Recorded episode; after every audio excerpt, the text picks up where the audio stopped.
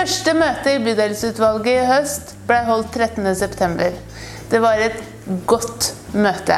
For det første to veldig gode nyheter. Bydel Søndre Nordstrand har mindreforbruk i økonomien sin.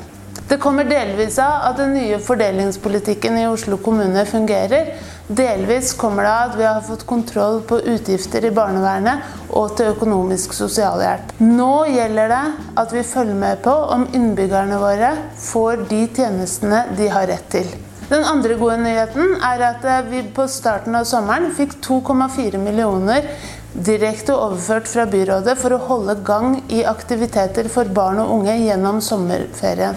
Fritidsklubbene i bydelen kasta seg rundt og fikk på beina et veldig godt tilbud som ble godt besøkt, og vi har hatt en rolig sommer uten store hendelser i bydelen.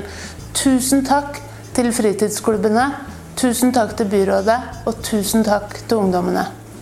Som jeg har sagt før, så er bydelsutvalget ofte høringsinstans i en del saker. Den gangen her hadde vi to store høringssaker på bordet. En om sykehuset i Oslo og en om handlingsplan mot støy. Når det kommer til sykehus, så, så, legges det fram et forslag nå, eller det forslaget vi tok stilling til, handler om at man ønsker å bygge et nytt lokalsykehus i Oslo på Gaustad forslaget til høringsuttalelse fra bydelen var veldig godt, men vi ønska å spisse det litt i forhold til vår bekymring for at om man starter å bygge på Gaustad, så får vi ikke en utbygging av Aker sykehus. I tillegg er vi skeptiske til at planen innebærer en ganske dramatisk reduksjon av sengeplasser og liggedøgn. Man legger til grunn at pasienter skal overføres til kommune og bydel for rehabilitering. Og vi ser ikke helt uh, hvordan det skal skje, og hvordan det skal kompenseres for det.